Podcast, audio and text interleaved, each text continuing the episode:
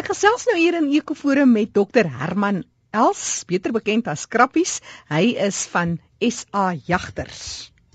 Krappies, ek wil hê jy moet bietjie vir ons vertel na aanleiding van jou navorsing wat jy gedoen het van hy realiteite van oorlewing in die natuur. Dis nou natuurbewaring teenoor oorlewing, die toepassing daarvan in Afrika teenoor die westerse benadering. Want jy is antropoloog, jy het lank gewerk met gemeenskappe, jy het ook baie intens gewerk met kulturele antropologie en gekyk hoe dat mense van Afrika in die omgewing lewe deel wees daarvan. Maar as ons nou praat van byvoorbeeld onwettige aktiwiteite in die ja, veld. Ja. Wat is dit wat jy vandag met ons deel ten opsigte van 'n interessanthede van hoe Afrika se mense in die omgewing lewe? My spesialiteit lê op die intervalle tussen natuurbewaring en landelike gemeenskappe. Die vraag wat jy vra en jy moet hom ook maar so vra, het te maak met 'n lewens- en wêreldbeskoulike, 'n verskil in lewens- en wêreldelike beskoulike in terme van die mens se posisie in die natuur. En dit klink verskriklik diep, maar daar is goeie redes voor dat ons goed verskillend sien. En dit het baie te maak met realiteite. En veral in landelike gebiede is realiteite van oorlewing 'n baie belangrike dryfveer vir hoe mense na die natuur kyk en hoe hulle dit ervaar. En as jy dan 'n kulturele antropoloog is of jy werk op hierdie terrein uh, en dit gaan vir jou oor ontwikkeling en die skep van natuurbewaringsgebiede of ontwikkelingsprojekte rondom volhoubare benutting van uitnatuurlike produkte, dan moet jy hierdie uh, verskille in siening van moet jy in ag neem. So jy kan nie sonder meer westerse beginsels en begrippe rondom natuur en natuurbewaring net so van toepassing maak in Afrika. Die mense verstaan dit nie altyd nie. Hmm. En ek sal vir jou voordeel voorbeeld gee. Ehm um, die Zulu term, Nguni term, Kanyamazane, uh is die term wat die mense gebruik vir bewaringsgebiede. Uh, maar dit eintlik verwys dit na die plek daar waar die vleis is. Jy kry situasies waar uh ouens uit die dorp uitskakel doen navorsing daar in Bosbokrand vir 'n klompie jare hier in die vroeë 90s. Nou bel dan mense van Johannesburg af vir hulle mense daaronder en sê hulle kry jy vir ons vleis? Ons kom hier lank naweek af dan bring ek vir jou 'n paar skoene. En dan wag die ou tot daar maandag aand is en gaan hy en die honde in of in Timbawati of in Manjeletti in en dan gaan haal die vlakvark uit 'n gat uit want die vlakvarke slaap in in bekende gate en dan het hy vleis en dan bring hy daai die ou vir hom daai paar skoene in ruil vir die vlakvarkvleis. So uh daar's dus met ander woorde 'n ander persepsie hieroor en daai ou is nie besig om wild te steel nie, hy is besig om wild te jag. Afhangende van watter kant van die draad jy staan, is jy of as 'n of 'n jagter of 'n wildief. Uh en daar's rondom hierdie goed is daar 'n klomp anomalieë wat kultuurgewys moeilik is, is om te bestuur en en om altyd te verstaan. Een van die goed byvoorbeeld het te maak met die feit dat die mense absoluut aangewese is op die natuur vir oorlewing. Ehm um, ons dink dis oulik as mense sê hulle eet sprinkane en hulle eet reismure. Ja. En die ouens eet mopaniewurm en dan is dit dis 'n geit, dis 'n snaakse geit. Maar vir hierdie mense is dit kos. Eh, dis 'n verskriklike belangrike deel van hulle daaglikse kosinname in die tydperk tussen wanneer oes geplant is en wanneer hom oes. Dit wat die natuur dan gee, al die veldvrugte, marulas, eh, botterklappers, al daai goede, is 'n verskriklike gedeelte en 'n belangrike gedeelte van hulle dieet. En eh, en 'n mens verstaan dit eers as jy by die mense is en jy en jy begin die navorsing daar doen en jy begin na hierdie goed kyk. Maar nou is daar in hierdie prosesse waarvan ons nou praat oor natuurbewaring, is daar in terme van lewens- en wêreldbeskoulike en dan ook in terme van verstaan van verskriklike moeilike konsepte. Die westelike grens van die Kreerwiltuin is opgerig deur die staatsveearts met die bedoeling om die bekkenklouseer wat gedra word deur buffels uh, en ander diere in die wildtuin weg te hou van die kommersiële kuddes. Tussen 10 en 15 km wes van die wesgrens van die Kreerwiltuin is daar 'n sogenaamde rooi lyn. As jy agter die rooi lyn is, met ander woorde tussen die Kreur Wildtuin en die rooi lyn, dan moet jy as jy wil beeste verkoop, dan staan jou beeste vir 2 weke op kwarantyne om seker te maak dat daai beeste nie back and closure het nie voordat hulle uitgelaat word.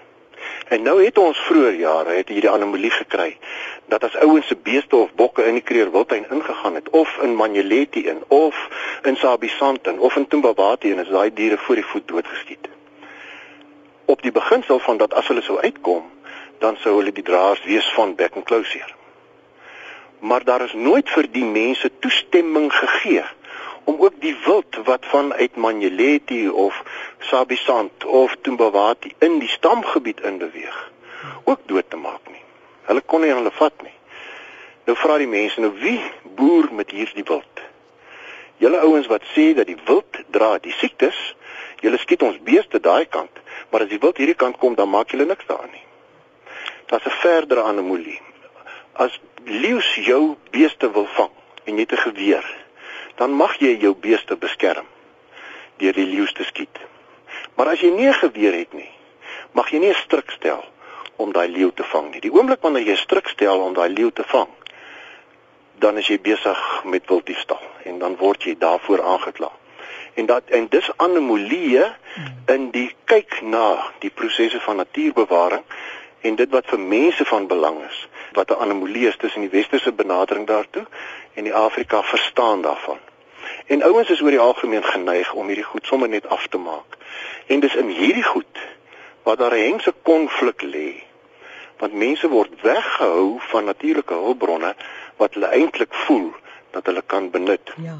En die beste voorbeeld Jackie wat ons het hiervan is as jy sal onthou net kort na 1994 met die nuwe aan, aanvaarding van die nuwe politieke bedeling is daar veral in die Oos-Kaap uh in die reservate teen die kus het mense so toe gegaan en die rotse totaal gestroop van alle rotsdiere wat daar was, skilddiere. Op grond van die feit dat dit hulle reg is om dit te kan benut. En dis die gevolg daarvan dat mense in natuurbewaring nie met die mense langes aangesels en die natuur bestuur tot voordeel van mense nie in plaas daarvan dat hulle mense probeer bestuur tot voordeel van die natuur nie. En dis een van die groter probleme wat ons uh, het in oorgrens en oorgrensparke. Waar ouens konstant mense probeer bestuur tot voordeel van olifante in plaas daarvan dat hulle olifante bestuur tot voordeel van mense. En Jackie daar waar hulle olifante bestuur tot voordeel van mense in Zimbabwe voordat uh, Robert Mugabe en sy politiek nou omgeval het is die Campfire program en die projek wat hulle in Zimbabwe gehad het in die stamgebiede fantasties. Omdat olifante daar bestuur is tot voordeel van mense en daar kon in die stamgebiede 2 of 3 olifante of 4 olifante per jaar gejag word en daai geld is in groot pakke geld fisies stamkantoor toe geneem en elke gesin wat in daai area bly het soveel zim dollar gekry. 400 500 zim dollar. Nou as jy daarna kyk is 400 en 500 sim dollar was op daai stadium ons praat nou so van 2000 2004 was ongeveer so 200 rand. En dan klink dit nie na verskriklike geld nie. Maar as jy in ag neem dat dit 15% van jaarlikse inkomste van daai gesinne is, dan is daai 200 rand 'n verskriklike bydrae wat natuurbewaring maak tot mense se lewens. En dan moet ons ook onthou om vir olifante om in die stamgebied te wees, moet jy die habitat oppas en jy moet die waterbronne oppas. En dit nie net gegaan oor olifante nie, ook gegaan oor die jag van kudu's en rooibokke, die uitdun daarvan. En daai geld is alles geakkumuleer na die na die mense toe van die stam. Dan begin jy die natuur bestuur tot voordeel van mense. En dit het 'n ongesaglike goeie uh resultaat in terme van natuurbewaring. Jy sien dit ook in Namibië uh, waar die ouens renosters en al en olifante in daai groot uitgebreide stamgebiede op hierdie beginsel uh, bestuur. Dis dokter Herman Els wat gesels het, Krappie soos almal na hom verwys en hom almal hom ken. Hy is omgewingsantropoloog met 'n spesialiteitsterrein op die interaksie tussen mense en natuurbewaring in landelike gebiede. Krappies, interessante kwessies wat jy aanraak. Baie van hulle het seker 'n studieveld op sy eie vir mense wat bietjie meer met jou wil gesels, sommer net idees wil uitruil, dalk kers opsteek. Daar's dalk 'n webtuiste of 'n telefoonnommer waar kan ons jou in die hande kry? Ag die die, maklikste is uh, is per e-pos uh, is Rhino R H I N O by sahand.co.za of hulle kan my gedurende die dag skakel by 012 808 9300. Is al jagters se nommer. 012 808 9300. En net weer daai e-posadres? Rhino by sahand.co.za. Dr Krappies Els van SA Jagters wat met ons gepraat het hier in Ekoforum.